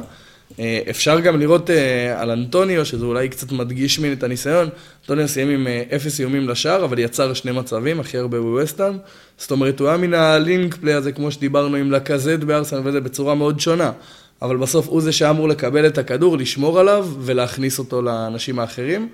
פחות מה שאנטוני עושה בדרך כלל, אבל אה, יפה לראות ועבד טוב. אז, אז אני, אני רוצה לגעת בלמה. למה היה לה כזה אחוז, כאלה אחוזי הצלחה אה, טובים? כי אנחנו הרבה פעמים אומרים, אוקיי, קבוצות יעמדו תחת לחץ מול ליברפול, מול אה, סיטי, והם יזרקו כדורים ארוכים למעלה. אבל צריך, מבחינתי הטייטל של הסיפור הזה הוא שגם את זה צריך לדעת לעשות. זה לא אה, אה, שכדור ארוך, אתה יכול אה, סתם, זאת אומרת, אתה יכול, תמיד אתה יכול, אבל תמיד אתה יכול סתם לבעוט למעלה, זה, זה ברור, אבל אם אתה רוצה ממש לבנות על זה, והרבה פעמים זה ההבדל בין קבוצות שהן מאורגנות ומסודרות, וווסטהאם, וואלה, היא במקום הרביעי, היא לא סתם כנראה, כי היא כן מאורגנת, היא איך אתה אה, אה, בועט את הכדור, איך אתה מוסר, סליחה, את הכדור הארוך. אה, כבר התבלבלתי עם הקונספציות של עצמי, בועט כדור ארוך סתם. אה, כי זה היה מאוד ברור מי מוסר, דבר ראשון, מתי הוא מוסר ולאן הוא מוסר. וזה שלושת מרכיבי המסירה שהם הם חשובים. וגם, כמובן גם התנועה של, ה, של החלוץ, אבל אנטוניו ובן רחמה, הרבה אנטוניו, אבל גם בן רחמה, כל הזמן רצו למקום הזה בין המגן לבלם, או אפילו לפעמים אפילו טיפה למגן, לא על הכנף ממש, אבל בין מגן לבלם, כשאותו מגן חסר. והם עשו, דבר, הם עושים בזה שני דברים. אחד, הם מוצאים חלל יחסית פנוי, שבו יותר נוח לקבל את הכדור, יהיה לך את העוד שתי שניות האלה לפני שמגיע אליך שחקן, כי הוא חסר, הוא לא שם, ואז הכדור הארוך מגיע. אה, ושנית, כשהם עושים את זה, אז הם גם מושכים את אותו בלם שבא איתם, הם מושכים אותו הצידה. אז הם פותחים את ההגנה. ואז הם פותחים את ההגנה. זה לא, לא עבד באלמנט השני של זה, של לפתוח את ההגנה ואז שמישהו ייכנס, זאת אומרת, זה לא עבד כזה טוב, אבל באלמנט הראשוני, כשהמסירה תגיע ויהיה לך את הזמן להשתלט עליו, על הכדור הזה, כי זה כדור ארוך, יותר קשה להשתלט עליו, אה, אה, אז כשהמסירה תגיע, כמו שציינת, ובצדק, תחת הלחץ של סיטי זה לא קל לעבוד, כן? זה לא שיש לך את כל הזמן שבעולם, והכי כיף לך בחיים, ואתה, אה, מה שנקרא, בזמן אימון, אה, יורה כדורים ארוכים למעלה. לא, זה יותר קשה, ועדיין, המתודה היא מאוד ברורה, וזה גם עוזר למוסר, כי המוסר, כשיש לו את העשירית שנייה, או את השנייה, או את השנייה וחצי, או את השתי שניות, להרים את הראש ולראות לאן, אה, לאן למסור, הוא יודע כבר לאן להסתכל. וזה חוסך לו זמן. זה חוסך לו זמן, הוא יודע לאן לתת את הכדור הזה, זה פשוט אה, היה ברור שזה תרגולת ברורה ושעבדו עליה. זה לא איזה משהו שמביא, בא איתו סתם, ולכן האחוזי ההצלחה האלה הם כאלה גבוהים. זה, זה, לא, זה לא סתם. אה, זהו, זה מה שרוצה להגיד. לגמרי. נראה לי לפני שאנחנו עוברים לסיטי, רק אני אזרוק מילה אחת על אה, דקלן רייס, אה, ש, שמגיע. אז הוא באמת היה במשחק מעולה, גם הגנתית, גם עזר מאוד להוביל את הכדור קדימה, פחות באיומים וכאלה, אבל... נכון, דקלן רייס היה משחק אדיר. כן. אז דקלן רייס סיים עם שבעה מאבקים הגנתיים, שישה מהם מוצלחים, שזה אחוז מדהים. אבל אם מדברים על אחוזים מדהימים, בואו נדבר על המסירות שלו. דקלן רייס מסר הכי הרבה מסירות בווסטהאם, אה, כמובן פחות משחקני סיטי, אבל הכי הרבה בווסטהאם. מה האחוז? עוד פעם, של מה? של, של, של דיוק במסירות. אחוז של דיוק במסירות? כן, ואני מזכיר, דקלן רייס שחקן, שהוא מוסר גם קדימה, הוא לא הולך רק... הוא גם קישור, הוא, לא, הוא לא הגנה. כן, לא, אבל הוא גם, הוא מקדם, הוא מחפש, כדורים ארוכים דיברנו. בוא נלך על גבוה, 80 ומשהו נגיד. אני אומר 85, 86 כזה. כמה אתה? אני אלך, אני אעקוף אתכם מבערך עד 88. אז טיפה יותר גבוה, הוא סיים עם 100% הצלחה. מה? 39 אה, ניסיונות, 39 מסירות מדויקות. אה, הוא היה פשוט מעולה. הוא הצליח להוציא את הלחץ, עזר מאוד הגנתית, כמו שאמרנו, גם עם הנתונים. הוא היה במשחק אה, נהדר, וכשיש לך קשר אמצע אחורי, שעושה את העבודה גם מקדימה, גם מאחורה, זה מאוד מאוד עוזר, בטח נגד הקבוצות החזקות. אחלה דקלן רייס. נעבור לסיטי קצת? אחלה דקלן רייס. נעבור לסיטי קצת. אז שמע, אה, סיטי כאילו business as usual, אין חלוץ. קצת נמאס מהמשפט הזה עם סיטי. כן, ז'זוס לא, לא יהיה שם בחיים, סתם, האמת המשחק הזה דווקא היה, מהדקה 25 אה, כן. כזה, משהו כזה. כן. אבל בסדר, הוא לא פתח שם, מי שפתח שם זה מאחרז בשפיץ. וגם הוא נטע מאוד ימינה גם כשהוא שיחק, זאת אומרת, זה נטמע בו כבר, הוא שחקן כנף. הוא כבר לא, כן. אה, אז, אז מאחרז התחיל אה, בשפיץ, מאחרז עשה המון תנועה אחורה, כמו שפפ אוהב מהחלוץ שלו. המון תנועה גם ימינה. נכון. אה, אבל אז, אתה רצית רגע להרחיב על מאחז או ש... כן, אז אני יכול להרחיב טיפה על מאחז. קודם כל, משהו שמאוד בולט וידוע, עשיתי מניעה בדרך כלל שלושה מאחורה, קנסלו לרוב הוא זה שעולה יותר ומשחק על הקו, ווקר הוא זה שיותר נכנס לאמצע. אה, ב-25-30 דקות הראשונות שמארי שיחק במרכז, והוא נטע המון ימינה והלך המון אחורה, אה, מה שהיה מאוד בולט זה שווקר, שהוא בכל זאת אוהב באמצע, בהנעת כדור של סיטי, היה מאוד במרכז, זאת אומרת, הוא ורודרי היו שניים שלושה מטרים אחד מהשני, כל כן. פעם שסיטי בהתקפה בחלק הקדמי. אה, כי בעצם יש לך עומס באגף ברגע שיש לך את חיסוס, ומאחרי זה מגיע הרבה לקו הזה. אה, אז זה היה מעניין, קנסלו לעומת זאת נצמד מאוד לקו ושיחק מאוד מאוד מקדימה. אה, אז זה מהבחינה הזאת. מבחינת מאחז, אין הרבה מה להגיד, שיחק אה, די דומה לאיך שפפ בדרך כלל משחק עם החלוץ המדומה, כן. הוא טיפה כן, נוטה יותר ימינה, יוצר יותר את המצבים מצד ימין, ופחות פודן וכאלה ש... שפחות עושים את זה, ויותר הולכים אחורה, אבל כן, ביזנס as usual. אז זה התחיל כביזנס ואז דיברנו המון על הקווי הגנה של ווסטהאם, אה, ואז אה, פפ עושה את ההתאמה שלו. אה, ומה שקורה, ב, לא יודע, דקה 20 ומשהו כזה, נראה לי, אני לא זוכר, זה עובר לשחק ימינה, ז'זוס נכנס למרכז, זה פעם שאנחנו רואים את זה, אני חושב, מזל טוב. כן, העונה. וזה לא סתם קורה לדעתי, יש לזה סיבה. פפ מבין שהדרך שלו לפתוח את הקווי הגנה האלה היא מהאגפים, ופתאום... אנחנו מתחילים לראות הרבה אה, כדורים ארוכים ממגן או בלם בצד אחד, לשחקן כנף בצד שני. זאת אומרת, אה, ווסטה מנסה לצופף טיפה לכיוון שממנו מגיע הכדור, ואז אה, באמת, אולי איזה... שבעה, שמונה כדורים כאלה באיזה עשר דקות, אני חושב, או משהו כזה, של כאילו, אולי קצת יותר מעשר דקות, האמת, אני כנראה... לא, זה יותר. קצת פחות משבעה, שמונה, אני... אבל, כן. אבל פתאום, אה, מגן ובלם מצד אחד, אה, יורים חץ לצד שני לשחקן כנף, אה, וזה מביא, אחד, לגול שנפסל של מאחרז. של מאחרז, זה מגיע מכדור מצד ימין ארוך לסטרלינג בצד שמאל שמכניס למאחרז, הגול הזה נפסל. גול יפה. ואז, אני לא זוכר אחרי כמה דקות. לא, היה הפרש, הגול הראשון היה לא, בדקה 16, הגול ה... ודרך אגב, אז מאחרז שיחק יותר באמצע, בגלל זה גם הוא זה שהגיע להזדמנות וסטרלינג וזה נכון. שיחק בקו. אה, ובדקה 35, יש כזה, סיטי כבשה? מתחיל, 33. אה, אה, עובד משהו הפוך, כאילו, אותו דבר, רק קצת שני, כדור מגיע מצד שמאל, קאנסלו, אם אני לא טועה, למאחרז. שמכניס כדור פנימה לגונדוגן. צריך לומר שזה לא רק עובד בשער, זה קרה פעם אחר פעם. כן, כן, זאת אומרת, זה גם שער שנפסל כן. וגם עוד שער אה, אה, שלא נפסל, זאת אומרת, שער אה, שנשאר. וזה קרה עוד כמה וכמה פעמים, אז כאילו, הפאפ עושה את האדפטציות האלה, וכאילו, נראה לי שדיברנו קצת אתמול, אבל אמרת, כשתשחק מול סיטי, זה קצת כמו לשחק מול בוט, או מול איזה אלגוריתם.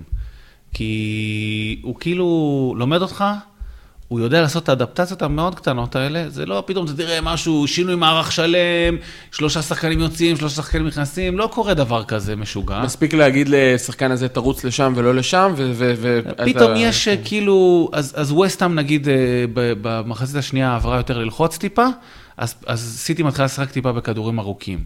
יש חלל פתאום בצד ימין, שני השחקנים של סיטי נכנסים לשם. זה כאילו, אתה משחק מול איזה אלגוריתם שכל הזמן לומד אותך וכל הזמן מגיב, וכל הזמן בקטנות.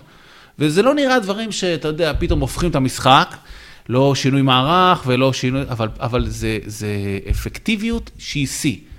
גם אה, פפ ו- ו- וסיטי הם אמנים בה לעשות את ההתאמות הקטנות האלה, כן. ו- וכל הזמן להמשיך ולטחון אותך בקטנות.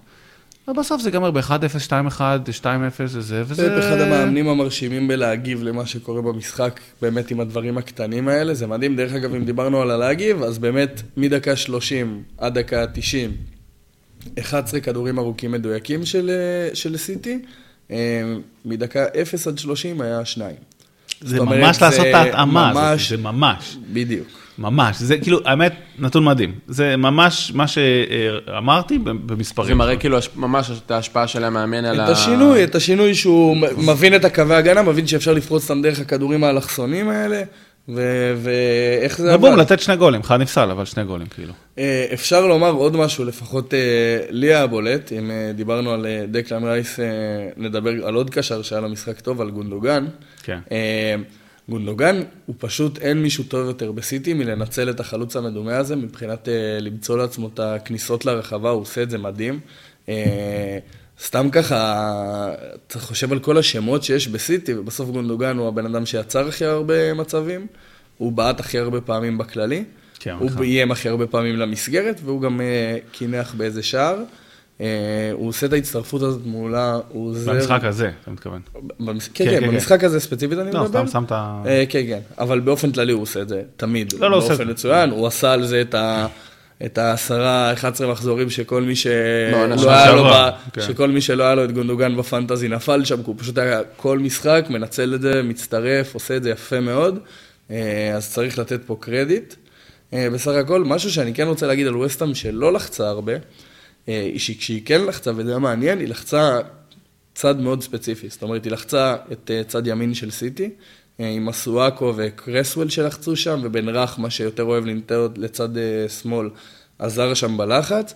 אה, כדי, כדי להדגים, ווקר סיים עם אה, חמישה עיבודי כדור בתוך החצי שלו המשחק, קנסלו סיים עם אפס. וזה לא כי מגנים מסיימים, מגנים מסיימים עם עיבודי כדור בחצי שלהם, אין מה לעשות, הם הרבה עם הכדור, זה אזור שבו לוחצים אותך יותר. הם הרבה מנסים לשים קרוסים או להכניס נכון. כדור לרחבה. לא, אני מדבר בחצי שלך. אה, סליחה. אבל בסופו של דבר, גם קנסלו היה מאבד, אבל באמת לחצו אותו הרבה פחות. ווקר איבד חמש, קנסלו אפס, אם מדברים על זה גם חיסוס שהיה בקו ימין איבד שניים מתוך שלושה, שלושת הכדורים שלו בחצי שלו. אה, זאת אומרת, לחצו הרבה יותר את, אה, את קו ימין של סיטי, וזה היה יפה.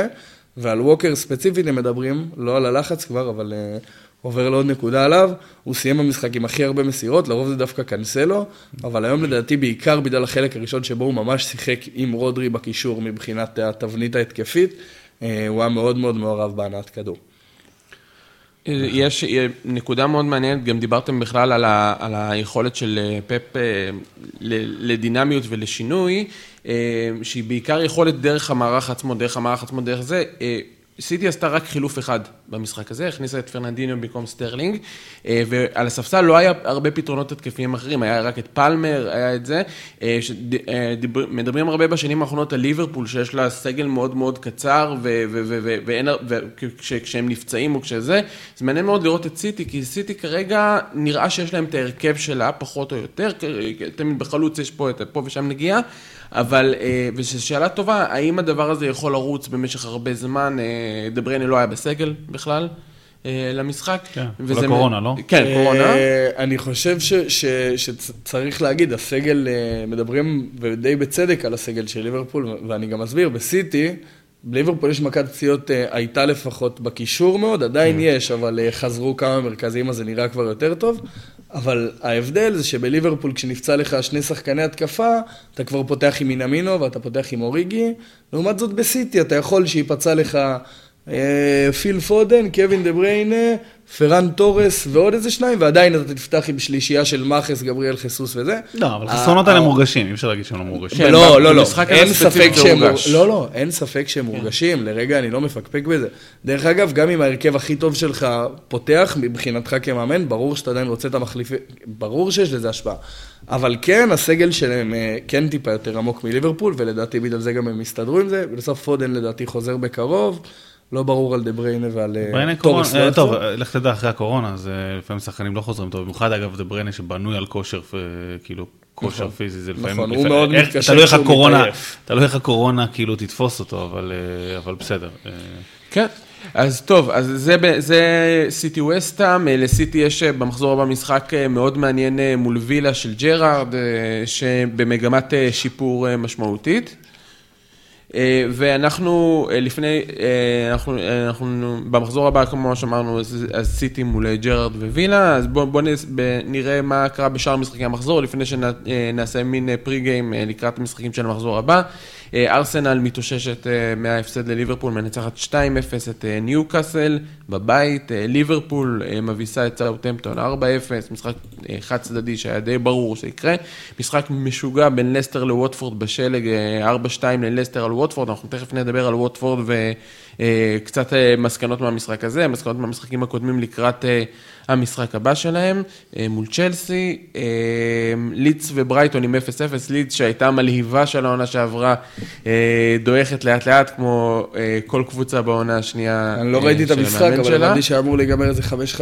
כן. אני הבנתי שהכמות הזדמנויות מטורפת ואיכשהו כן. נגמר 0-0. כן, איכשהו פשוט כדורים לא נכנסו. ברנדפורד עם 1-0 על אברטון שצוללת, אנחנו נדבר גם עליה בהמשך, נדבר תכף על הדרבי של ליברפול בסוף השבוע. וילה אה, של ג'רארד מנצחת 2-1 את פאלאס, אה, עוד ניצחון אה, חשוב מאוד לווילה שלאט לאט עולה. הכל, הכל מתמקד לנקודת, למשחק העונה של עידו ליאון, אסטון וילה מול ליברפול, עוד שבועיים לדעתי. כן, כן, עוד שבועיים, שזה עוד איזה תשע מחזורים בקצב הזה. כן, כן, משהו כזה. אה, ווולפס נוריץ' 0-0, אה, אה, משחק פחות משמעותי. נוריץ' חזרה, אה? כן, כן, נוריץ' עם שלושה משחקים ללא כן, הפסד. זה קורה, חבר'ה, נוריץ' ל top four. כן. בוא, היא עקפה את ניוקאסל, כן? במקום האחרון. כן, כן, אז... בקצב הזה ניוקאסל... בקצב הזה הסעודים יצטרכו לבנות קבוצת צ'מפיונשיפ בשנה הבאה. רק אומר שפה... אני מאמין שהם ישפכו קצת כסף בינואר ויהיה בסדר. רק אומר שפוטנציאל פוטנציאלית, יכול להיות פה את העונה הכי היסטורית בתולדות הצ'מפיונשיפ. עונה הבאה, עם אה, קצת רכש טוב וואי. וזה, הם יכולים להתפוצץ שם. כן. זה יהיה מעניין לראות את אה, אמבפה משחק בצ'מפיונשיפ, יהיה כיף לראות. טוב, אה, אז אה, כמו שאמרנו, אה, מחזורי סוף שבוע עכשיו, אה, לקראת אה, חג המולד, יש הרבה מחזורים כפולים. אה, הרבה מחזור, כאילו מחזור, מחזור אה, סוף שבוע ומחזור אמצע שבוע, אז מח- מחזור אמצע השבוע שלנו אה, מביא לנו שני משחקים מעניינים שרצינו, מביא לנו יותר משחקים מעניינים שרצינו לדבר עליהם, אבל שניים שבחרנו. אנחנו נתחיל עם, עם מוליכת הטבלה, צ'לסי מגיעה לווטפורד, ל- ללונדון. אה, רניירי. לרניירי, כן. אז, שמע, עד לפני, עד לפני המשחק הזה שווטפורד חטפה רביעייה מלסטר, היה לי מאוד ברור מה אני רוצה להגיד. אה, זה לא, זה לא השתנה הרבה, אבל אה, גרם לי קצת לחשוב על זה, שוב. אה, תראה, דיברנו על, אה, על צ'לסי, איך היא מניעה כדור, שלישיית בלמים, אגפים, אה, ג'יימס ואלונסו, הכדור לשם. ריווח, קשרים. ריווח ודרך הקשרים במרכז, אה, וגם דרך שני השחקנים שמאחורי החלוץ. אה, ובכוונה מדגיש את זה, כי ווטפורד, מאז שרניירי השתלט אמיתית על הקבוצה, זאת אומרת, לא במשחק הראשון, אני לא זוכר מה זה היה, הראשון היה מול... אה, ליברפול. והוא ספג חמישייה. כן. כן, אה, אז מול יונייטד אחרי זה, אה, אחרי הפגרת נבחרות שהיה לו זמן לעבוד, הוא עלה מול יונייטד, וראינו את, ה... את הלסטר של ווטפורד, את ווטפורד עושה קצת לסטר, לוחצת ולוחצת בטירוף. לא, לא, היה לו אה. כמה משחקים, הוא גם אה, ניצח את אברטון 5-2, ניצח את... אה, הפסיד לסאוטהמפטון, הפסיד לארסנל, ניצח את יונייטד, הפסיד ללסטר. כן, נכון, סבבה. ups and downs. צודק. הרוב נראה לי יותר ups, והוא בנוי הרבה יותר על לחץ. לחץ מקדימה מול יונייטד, זה כל היה... מי שראה את המשחק נגד יונייטד לא צריך שתמשיך לדבר בכלל. כן, היה, היה, היה לחץ, לחץ, לחץ ולחץ. אה, סר מימין, דניס בחוד, קינג משמאל, אה, ובאמצע גם אה, סיסוקו וקלברלי אה, יוצאים קדימה ולוחצים חזק מאוד. למה אני מציין את כל זה? למה אתה מציין את כל אוקיי, זה? מצוין. אני שמח ששאלת איתו. בכיף? אה, כי, כי במקום הזה, זה מאוד בנוי ללחוץ חזק את אה, צ'לסי. זאת אומרת, שלושה שחקנים שיוצאים קדימה, שניים מהם יהיו על, כנראה על, על הבלמים וימנעו את הנעת הכדור של הבלמים. זה יהיה בטוח דניס מקדימה, ואז אולי או סר או קינג, תלוי באיזה אגף הכדור הולך.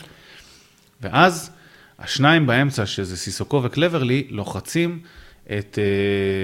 אה, sorry, מי שיהיה הצמד במרכז שם של אה, צ'לסי, או קאנטה וז'ורג'יניו, או ז'ורג'יניו ו... אה, לופטוס-צ'יק. אה, לופטוס-צ'יק, או קובצ'יץ' שכבר שכחנו ממנו. מי שזה לא יהיה שם אצל צ'לסי, אה, מתוך הרביעייה, השניים, השניים מתוך הארבעה שייכנסו שם למרכז, יהיה עליהם לחץ. צ'לסי לא תזכה לגרייס הזה של אה, יאללה חבר'ה, ז'ורג'ה, קונטיניו, אה, לופטוס צ'יק, להניע כדור ויאללה בוא נרוץ, מה שנקרא. ו- ואפשר לומר שגם כשווטפורד, וזו דוגמה טובה מהמשחק האחרון, אבל גם כשווטפורד נראית רע, הלחץ שלהם טוב. נכון. זאת אומרת, הם לוחצים בצורה, בצורה טובה. אגב, גם במשחק האחרון גם- מול אסטר חטפו רביעייה, אבל גול אחד שלהם מתוך לחץ. נכון, ואף אחד. מהגולים שהם ספגו לא הגיע מתוך איזה טעות בלחץ. נכון. אה, אה, בנוסף לזה, אגב, גם את הכנפיים, אה, ג'יימס ואלונזו במקרה הזה, אצל וולפורד גם מסינה ופמינה, צמד הבלמים, עולים גבוה בלחץ. זאת אומרת, הם ישמ- הם ישמרו את השחקני כנף. זאת אומרת, הם לוחצים כמו קבוצה? נכון, נכון, לוחצים כמו קבוצה. אה, וזה נראה לי אה, שזה מה שיקרה גם במשחק הזה, אבל, ויש פה אבל גדול, דיברנו על השלישייה, שמע, אני לא יודע אם לוקאקו ישחק או לא, אז אה, נראה, הוא עלה עכשיו, זה כאילו די סימן שאלה גדול ש, שאני לא סגור לגביו. שזה אבל ממש משנה את ה... ממש משנה את ה- את את ה- כל ה- את כל התוכנית משחק. הצורה בעצם. שבה צ'לסי אה, אה, משחקת, אבל זה יהיה ככה, אם, אם לוקאקו ישחק, אז צ'לסי כנראה תנסה לשבור את הלחץ הזה בכדורים ארוכים ללוקאקו, שישתלט עליהם. אגב, הוא היה נראה לא רע בעשר דקות האלה שהוא עלה. כן, אבל קשה עוד לדעת כן, אבל הוא גם מי זה עלה משהו- למשחק פחות מסודר, ופחות הדרך נכון. שבה הוא הצטרך לא, אבל. מבחינת, ה- אני דווקא מסתכל מבחינת החדות שלו, נכון. נגיד שהוא עצר כדור ומסר, כן. וזהו, היה נראה חד יחסית. הוא נראה שחקן אה, בסדר גמור אפילו. כן, בסך הכל נראה בסדר. סך הכל. אבל אם לא, וזה יימשך כמו שזה היה עכשיו מול יונייטד, אז תהיה שם שלישייה קדמית מאוד מהירה, מאוד דינמית, ורנר אדסון אודוי וזייח, או אני לא יודע מי, או מאונט. או... או קאי אה, או פוליסיץ'. או קאי אברט, יהיה שם, ואז כל הלחץ הזה שדיברתי עליו של ווטפורד, אה, יכול להישבר, אה, וכשהוא יישבר, זה יהיה... הם יבואו עליך במהירות, מה שנקרא, ו- ומהר וחזק, מה שנקרא. אני, מה שאני רשמתי לי, זה שווטפורד תלחץ, אבל מה שמעניין יהיה לראות זה כמה הקשרים באמת, זאת אומרת, כמה ווטפורד תלחץ עד הסוף, וכמה סיסוקוב וקלברלי, או מי שיפתח בקישור של ווטפורד, באמת ירד עד לג'ורג'יניו, קאנטה, לופטוס-צ'יק, מי שיפתח שם. אה, באמת מהסיבה הזאת, בסופו של דבר הלחץ כנראה יקשה מאוד על צ'לסי, אבל ברגע שצ'לסי תצליח לעבור אותו, זה, זה יכול להיות חגיגה. אז אני חושב שזה הרבה תלוי אה, בבלמים של ווטפורד ובלוזה, שישחק את הקשר האחורי, כמה הוא יצליח לסגור את החלל שמאחורי היציאה ללחץ של אה, אה, ווטפורד. זאת אומרת, אנחנו מדברים על מצב שבו סר, אה, דניס וקינג לוחצים קדימה, מי שמצטרף אליהם זה קלברלי וסיסוקו, אגב, איסמעילה סאר בספק למשחק. יכול, לא יכול שיחק לשנות, את אבל... המשחק האחרון, מאוד קריטי, אחד השחקנים המשמעותיים של ווטפורד, אבל כן, לגמרי, בעצם תלוי בקשר האחורי של ווטפורד. ואז יוצאים חמישה שחקנים קדימה, פלוס אגב לפעמים עם אה, מסינה. ופמינה, זאת אומרת שזה כמעט בין שישה לשבעה שחקנים שיוצאים קדימה, וזה יהיה המון תלוי באיוזה כמה הוא אם יוכל אתם לסגור רוצים את זה. הקבלה, וזה פשוט סגנון לחץ שקצת אה, אה, מבחינת האגרסיביות שלו מזכיר קצת את הקבוצות החזקות בלחץ, זה בעצם אה, כמה פביניו והרודרי של ווטפורד יצליחו לעשות את העבודה. כי בסוף הקשר האחורי שלא הכי מצטרף קדימה ללחץ, הוא אחד המשמעותיים בלחץ. כי כשעוברים על זה שבאמת צריך לחפות, אנחנו רואים את פביניו ורודרי עושים את התפקיד הזה בצורה מעולה. לא, אבל זה יותר קשה. כי, אין כי, ספק. לא, לא, לא, למה זה יותר קשה? כי ליברפול וסיטי, אף קבוצה לא מעיזה להשאיר שלישיית נכון. התקפה מאחורי פביניו ורודרי. נכון. אה, אתה יודע, רוב הקבוצות עסוקות בהתגוננות, ואז רודרי לוקח, או פביניו ואז אתה. מוסיף את זה שזה לא רק שאתה לא מפחד, אלא גם הקבוצה שמגיעה מולך היא קבוצה טובה מאוד. בדיוק, ואז זה. יהיה יותר קשה. וגם, וגם. היוזה הוא לא פביניו ורודרי. ושלישי- יש פה הרבה דברים שאתה צודק בהם. אבל בסוף זה יהיה. התפקיד שהוא יצטרך לעשות, ובצורה נכון, טובה. אמרתי, זה- זה זה הנקודת מפתח. אה, אתה יודע, גם עש- עשינו, אה, מזמן זה היה, אה, עם מי זה היה? שאלות על הזהות. על על ברייטון. ופוטר. אז השאלה היא, האם באמת רניירי גם אה, יתפשר פה רגע ולא ילחץ? לא מאמין, אה, לא מאמין. ישנה את הזהות שלו? אני לא מאמין גם. אני לא מאמין אני, גם. אני גם אתן את הסיבה למה. אני לא חושב שלווטפורד יש הרבה כרגע להציע נגד הקבוצות הבאמת חזקות, אם הם לא לוחצים. זאת אומרת, ווטפורד, אני לא רואה אותם משחקים בקו הגנה נמוך, כמו שלא יודע, ברנדפורד עשתה, או וסטאם עשתה נגד אה, הרבה מהגדולות. לא רואה אותם מצליחים לעמוד בזה. ראינו את זה טיפה נגד ליברפול, למרות שהם כן לחצו במשחק הראשון של רניירי, שגם הגיוני שיהיה פחות מתואם וזה, והם התפרקו נגד ליברפול. אני לא רואה אותם מצליחים לשחק עם קו הגנה לא, נמוך זה, מאוד. מול ליברפול, אגב, אני לא חושב שזה נחשב, זה היה המשחק הראשון של רניירי. נכון, נכון, נכון, הוא לא. הגיע באמצע לא. השבוע, זה כאילו מבחינת- לא, אתה לא יכול לשים את זה אמיתית. מבחינת איכות השחקנים וזה שהם לא קבוצה שרגילה, אה, לעומת כמו וסטאם שרגילה לשחק גם 4-4-2 קווים ויודעת לשחק צפוף, ואברטון וכל הקבוצות האלה שדיברנו עליהן, ווטפורד של רניירי יודעת ללחוץ, ואם היא לא תלחץ, אז יכול להיות שלצ'לסי יהיה יותר קשה לכבוש. אבל בסופו של דבר, התוצאה הסופית, בין אם זה ייגמר ב-5 או 1-0, היא הרבה יותר בטוחה מאשר אם הוא ייקח את הסיכון וכן ילך ללחוץ ולנסות לעשות מה שהוא עשה נגד אה, מנצ'סטר יונייטד. אני כן חושב שהוא ילך ללחוץ, אני חושב שזה מה שהוא מכיר וזהות לנצח. יאללה, קדימה. אה, אני, רק, אני אומר רק שיהיה קשה פה, ו, וכשייווצר שם איזה, אה, תיווצר שם איזה בעיה בלחץ, או צ'לסי תדע להניע את הכדור דרכו, או אחריו, יהיו שם שטחים ויהיו שם שלושה שחקנים מהירים, עוד פעם, אם זה אברץ, ורנר, אה, אה, אדסון אודוי, אפילו אגב לופטוס צ'יק, שמדברים רגע קצת על קישור, יכול בדריבל לעבור את הלחץ הזה ולשבור אותו, ואז יש לו קנטה. שלישות. זה לא, גם רק שהוא, בדריבל, זה לא נכון. רק שהוא יכול, אלא זה הרבה מהסיבה למה לופטוס צ'יק מקבל הרבה דקות בצ'לסי לאחרונה, הוא מאוד טוב בזה. נכון, אבל גם צודק, גם- קנטה קנטה, כאילו- יודע מאוד מהר לצאת קדימה. נכון. אז כאילו... ז'ורג'יני יודע לשחרר את השחקנים שעושים את התנועה ואת המגנים, יש... זה כל שאלה. כמה, יישבר הלחץ. אה, אם אנחנו יוצאים מתוך נקודת הנחה שאתה צודק ואנחנו הולכים איתך והזהות של, אה, תישמר, כאילו, הזהות, כולה כמה משחקים, כן, זה לא כבר איזה שנתיים שהם בונים אה, זהות, אבל... אבל, אבל רניירי אבל, בונה מה- אבל זהות מאז, כבר נכון, אבל, תקופה אבל מאז זה ארוכה. קורה. אה, בוא נדבר קצת על, אה, אני שנייה, אני שנייה רק רוצה לדבר על נקודה אחרונה ב, על ווטפורד. אה, אה, בעצם אתה דיברת על זה שדניס אה, לדעתך יפתח במרכז, וזו שאלה. זאת אומרת, דניס, זה נכון שהוא יכול לשחק במרכז, עמנואל דניס, אבל גם ג'ושוע קינג יכול. אז לא לגמרי. דניס גם שיחק די הרבה בקו, אני אפילו רוצה להגיד שטיפה יותר ממה שהוא שיחק במרכז תחת רניירי. אמ, וג'ושוע קינג גם פותח בחוד, זה גם מתחלף. אה, במשחק לדוגמה נגד יונייטד, קינג שיחק אה, בחוד. קינג שיחק בחוד נגד יונייטד, אני כמעט בטוח, ועמנואל דניס שיחק איזה 20 דקות בחוד, משהו כזה. אה, לא, דווקא מול יונייטד, דניס שיחק כן. כמעט כל המשחק בחוד, עד הדקה 80, 75. אוקיי, צריך לבדוק את זה, כי אני בטוח במאת האחוזים שדניס שיחק גם בקו שמאל, לא בטוח נגד יונייטד. מול יונייטד קינג שיחק בחוד, דני שיחק בצד לא שמאל. אני גם לא זוכר ככה. מול יונייטד? אבל לא כן. משנה לי נגד יונייטד או לא, באופן כללי, עמנואל דניס לפני רניירי שיחק המון בקו שמאל, נכון. וגם בתקופת רניירי שיחק המון בקו שמאל, ויש הבדלים גדולים גם בין הסגנון משחק שלהם, עמנואל דניס שהוא משחק באמצע, עושה המון תנועה גם לעומק, הולך המון לקו שמאל, נכון. אה, והלחץ משתנה כשג'ושוע קינג שהוא... גם חלוץ מהיר בסך הכל, אבל הוא גם הרבה יותר פיזי. הוא חלוץ קלאסי. יותר, נכון. לדוגמה, נגד אם מדברים על צ'לסי, אם ג'ושוע קינג באמת ישחק בצד שמאל מבחינת לחץ על אה, צ'לובה, שאוהב המון לצאת עם הכדור, ג'ושוע קינג יותר יוכל אה, להיצמד אליו ולהקשות עליו מאשר דניס. יש פה כל מיני סגנונות אה, זה, נכון. ג'ושוע קינג משחק גם טיפה יותר כחלוץ רחבה, דניס טיפה יותר תזוזתי, הולך ומחפש את השטחים גם מאחורה טיפה. יש המון המון שינויים וזה יהיה מעניין. אני דווקא חושב שדניס יפתח בשמאל, למרות שאני אישית הייתי הולך עם קינג למקרה שצ'לובה משחק עם היציאות שלו קדימה, כי קינג לטעמי יותר מתאים, אה, אבל אה, אני לא מסכים איתך ואני חושב שדניס ישחק בשמאל ואנחנו...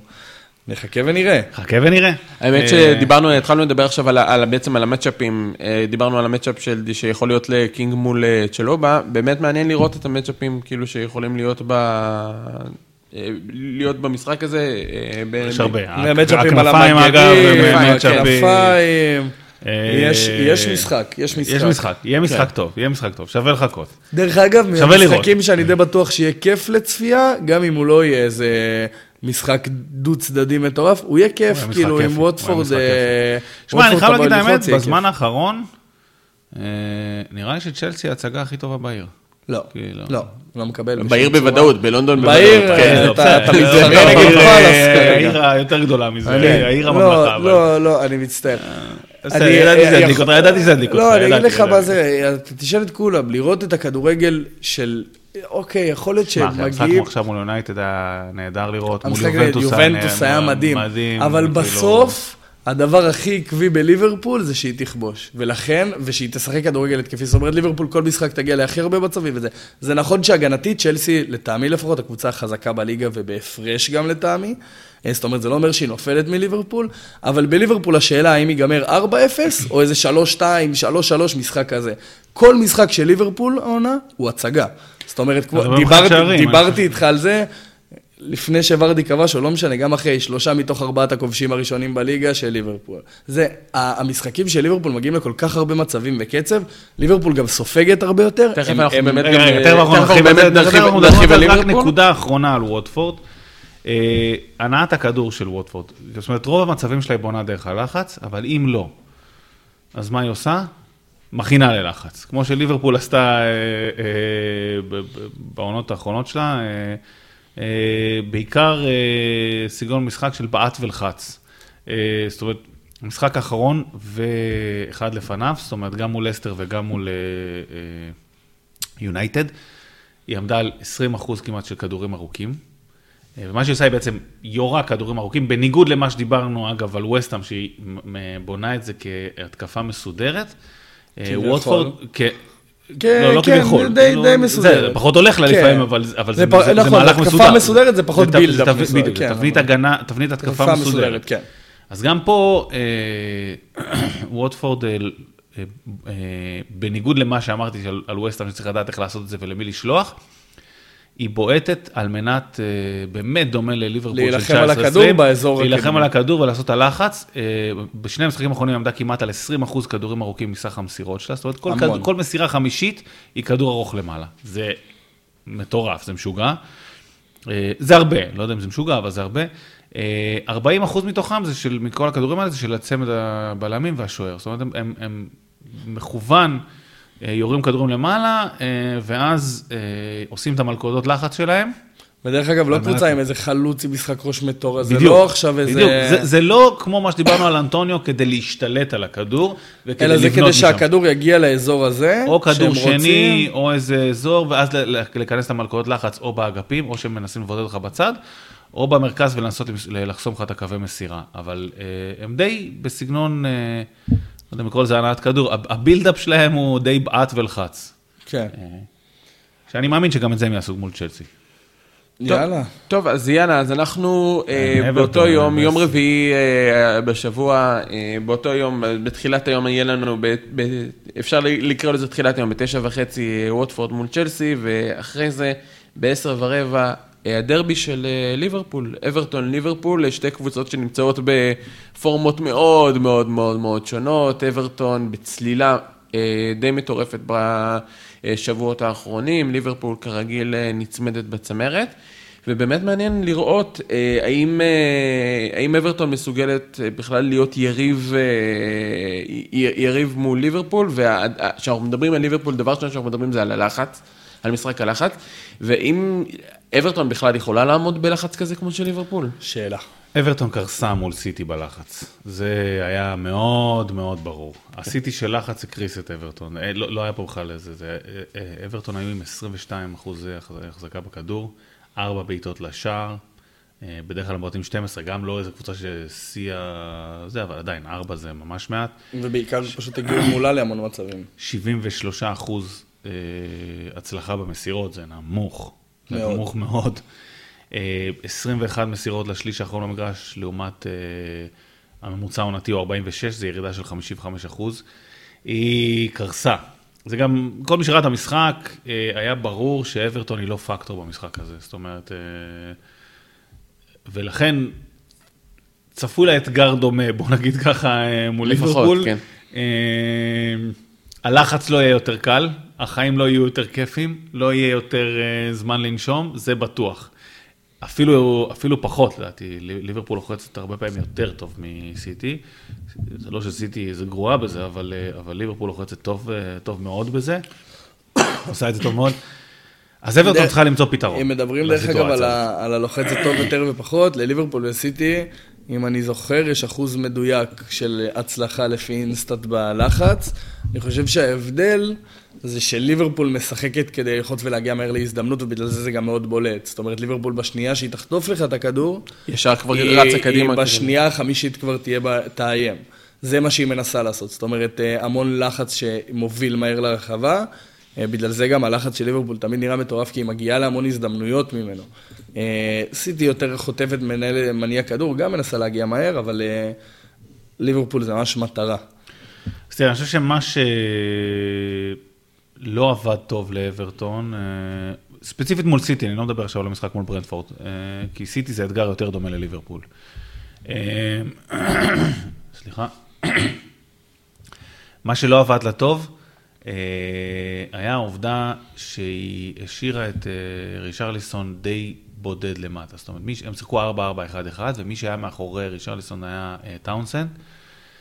אבל הוא, הוא עשה את מה שהוא, אני חושב, רגיל בדרך כלל לעשות, והוא משך המון ימינה. ואז מה שקורה, אה, הם ניסו להעיף כדורים למעלה, או לנסות לצאת להתקפה מסודרת איפשהו אה, אה, דרך המרכז, דורון דיבר על זה אז, איך, איך אה, סיטי חנקה אותם ועשתה את הלחץ הזה, אבל מה שמאוד עזר לסיטי, זה שלא היה איזושהי חוליה מקשרת בין ההגנה המאוד נסוגה הזאת, לבין הקו ההתקפה, זאת אומרת לרישרליסון. טאונסנד ברח ימינה, ולא ממש אה, שירת את ה... את, ה, את המטרה הזאת, ואז לסיטי היה נורא קל לחנוק את כל היציאות קדימה. לא, היה, לא, היה בעצם נתק בין ההגנה הנסוגה לבין המקום שבו אתה רוצה לראות רגע כדורים למעלה, ו- או לפחות דרך מישהו שיעשה את זה, יעזור לעשות את זה. ופה אני כאילו נכנס קצת לדילמה, כי אני תוהה מי יעשה את זה. אה, קודם כל, אני לא יודע מי מהפצועים חוזר.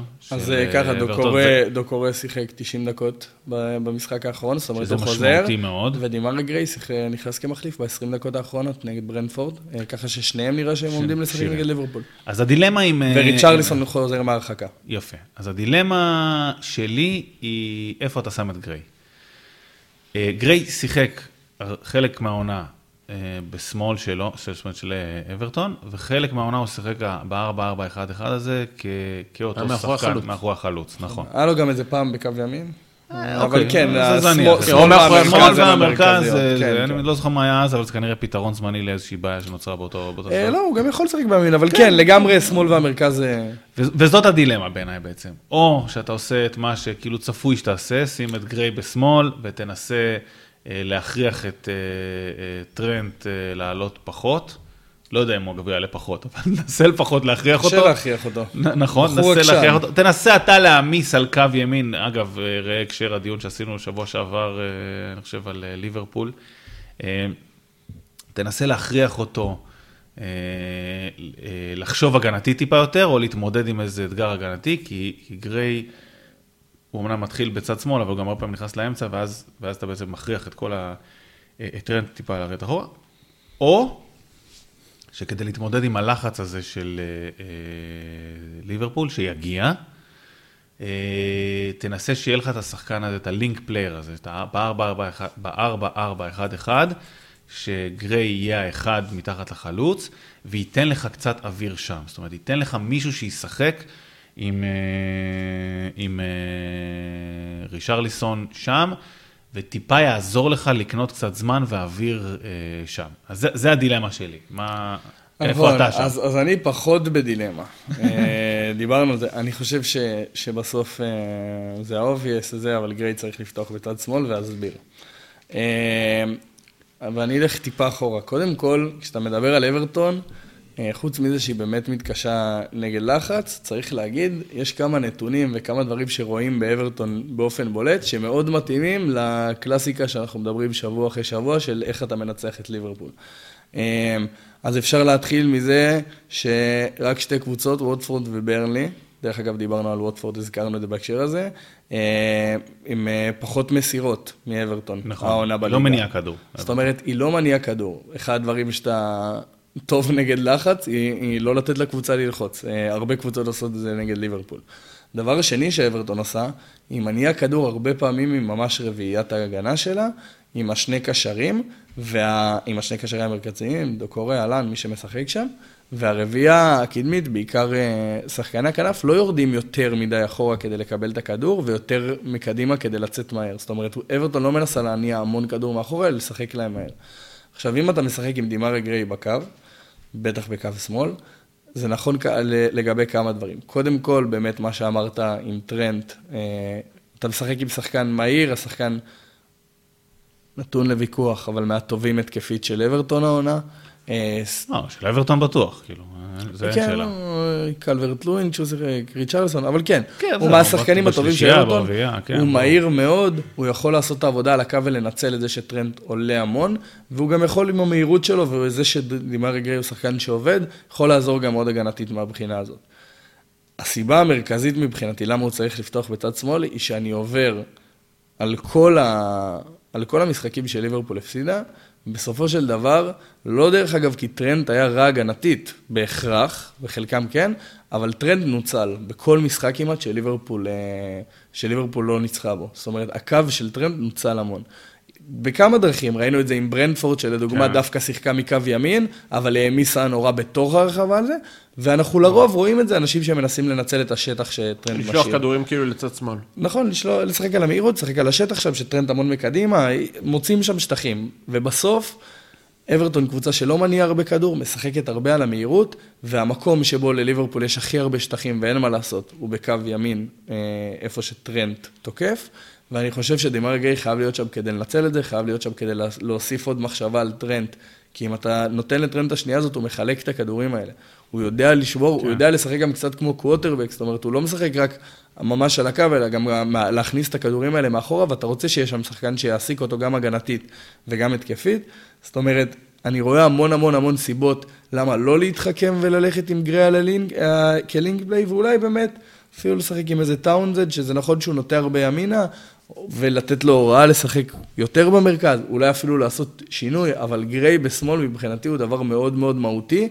בעיקר, דרך אגב, שכשמכון משחק רישרלסון, שגם הרבה פעמים נוטה קצת שמאלה, הם יכולים ליצור יופי של שילוב, גריי יכול לעשות את החתיכות שלו פנימה, ריצ'רלסון מדי פעם יכול אה, לקחת לשמאל ולנצל הרבה את האגף ימין, לכן אני פחות בהתלבטות, ואני רואה דימרה גריי צריך לשחק בקו שמאל. תשמע, כל מה שאמרת עושה שכל, כן, אני לא, אני, בגלל זה זה הדילמה שלי, אבל אני עדיין חושב ש... עוד פעם, אברטון תצטרך למצוא את הדרך לקנות לעצמה קצת אוויר. היא לא תוכל לעמוד בלחץ הזה של ליברפול הרבה, ואחד הדרכים זה דווקא להכניס מישהו לאמצע, אבל אין ספק שגם דרך אה, לשים את גרייל בשמאל, ו- ואגב, מה שפועל, זאת אומרת, טיעון כנג, כנגד לשים אותו באמצע, זה דווקא זה שדקורי חוזר, ואז אולי הוא כן זה שבמרכז המגרש ייתן לה קצת גם את האוויר, כי הוא כן... נכון, מצד שני הוא פחות אה, יהיה מקדימה והוא פחות יהיה שם לקבל יחלץ, את הכדורים. יחל... הוא לא יהיה מקדימה, אבל הוא יותר יחלץ, כש, כש, כשכבר הכדור מגיע אליו במרכז המגרש, הוא יודע יותר לשמור עליו, נכון. ואז לתת איזה פס הצידה, וזה, וזה אולי כן יקנה לה את האוויר. נכון, הבעיה עם הסגנון משחק של אברטון ומה שאתה מדבר עליו, עם הסגנון משחק ספציפי שאברטון משחקת בטח נגד הקבוצות החזקות לרוב, היא שמשחקת עם שני קווים של ארבע בהגנה מאוד נמוכים, וברגע שאברטון תחטוף את כן. הכדור, יכול להיות שדקורי יחזיק את זה, יחזיק את הכדור, אבל אני לא חושב שתהיה הוראה לשחקן כמו דקורי שמשחק קשר אמצע נכון. לרמת האחורי נגד ליברפול, תניע כדור כי אתה יכול תחזיק כדור, כי זה בדיוק, לא, לא, לא לשם זה, ליברפול תכוון, שדקורי נכון. ינסה להניע כדור, ונכון שהוא טוב בזה, אבל זה נכון. מה שאתה לא רוצה לעשות. נכון. לעומת זאת, גריי מקדימה כלינק פליי, נותן לך את זה יותר, גם יכול לשחק על מהירות, נכון. אין ספק, ועדיין הוא צריך לפתוח בשמאל. אה, אז בואו נדבר בשתי דקות, לדעתי, אה, כי אנחנו כבר באמת אה, בסוף. מה ליברפול צריכה לעשות לדעתי, ולדעתי פשוט ליברפול צריכה לעלות למגרש. אה, למה אני אומר את זה? זה חשוב. כן, זה חשוב. כן, זה חשוב. אם לא עולים, ראינו את זה בליגה הפורטוגזית השבוע, שאם כן. לא עולים למגרש, יש סיכוי להפסיד. יש סיכוי להפסיד. לא, למה אני אומר את זה לעלות למגרש? כי אני חושב שהיא לא צריכה לשנות הרבה. זה בעצם מה שהתכוונתי להגיד. אברטון, קודם כל, לא רק מול סיטי, קורסת מול לחץ. זאת אומרת, היא קיבלה גולים ככה, הסתכלתי כזה את הגולים שהם קיבלו מול לידס, מול סאוטהמפטון, מול וסטאם, מול וולפס, מול uh, uh, סיטי, גולים של כתוצאה מלחץ, וליברפול, דיברנו על זה המון, יודעת לעשות לחץ, וזה מה שהיא תעשה. אז, אז זה אלמנט אחד של ליברפול, בוא נגיד, לא צריכה לשנות במשחק שלה. Uh, עוד אלמנט, uh, ובו ראיתי גם שאברטון מתקשה, uh, שכשהיא מתגוננת, היא, כשזה מגיע מאחד האגפים, היא מנסה מאוד אה, לצופף את המגרש, ושכולם יצופפו לאותו אגף, זאת אומרת, גם הקשרי נכון. מרכז, גם המגנים בצד השני. אה, ואז היא יחסית מאוד פרומה וחופשייה בצד השני. אה, והשילוב טרנט רוברטסון הזה. היא קיבלה אגב ככה גולים מול יונייטד, ווטפורד, וסטאם, היא כאילו קיבלה לא מעט גולים מהעברת כדור מהירה לצד שני, ויציאה משם לא מתפרצת. אז גם זה מאוד מתאים לסגנון של אה, ליברפול. ליברפול יודעת באומנות הרבה פעמים לצופף לצד אחד בהנעת כדור שלה, ואז לתת לצד שני. אה, היה גם פעם רעיון שראיינו את רוברטסון או את טרנט ואמר שמתאמנים על זה גם באימונים, עד העברת כדור המהירה הזאת מצד לצד. אה, בכל אופן, זה אלמנט משחק ותבנית התקפה די ידועה של ליברפול, לא, זה לא איזה הפתעה, ולכן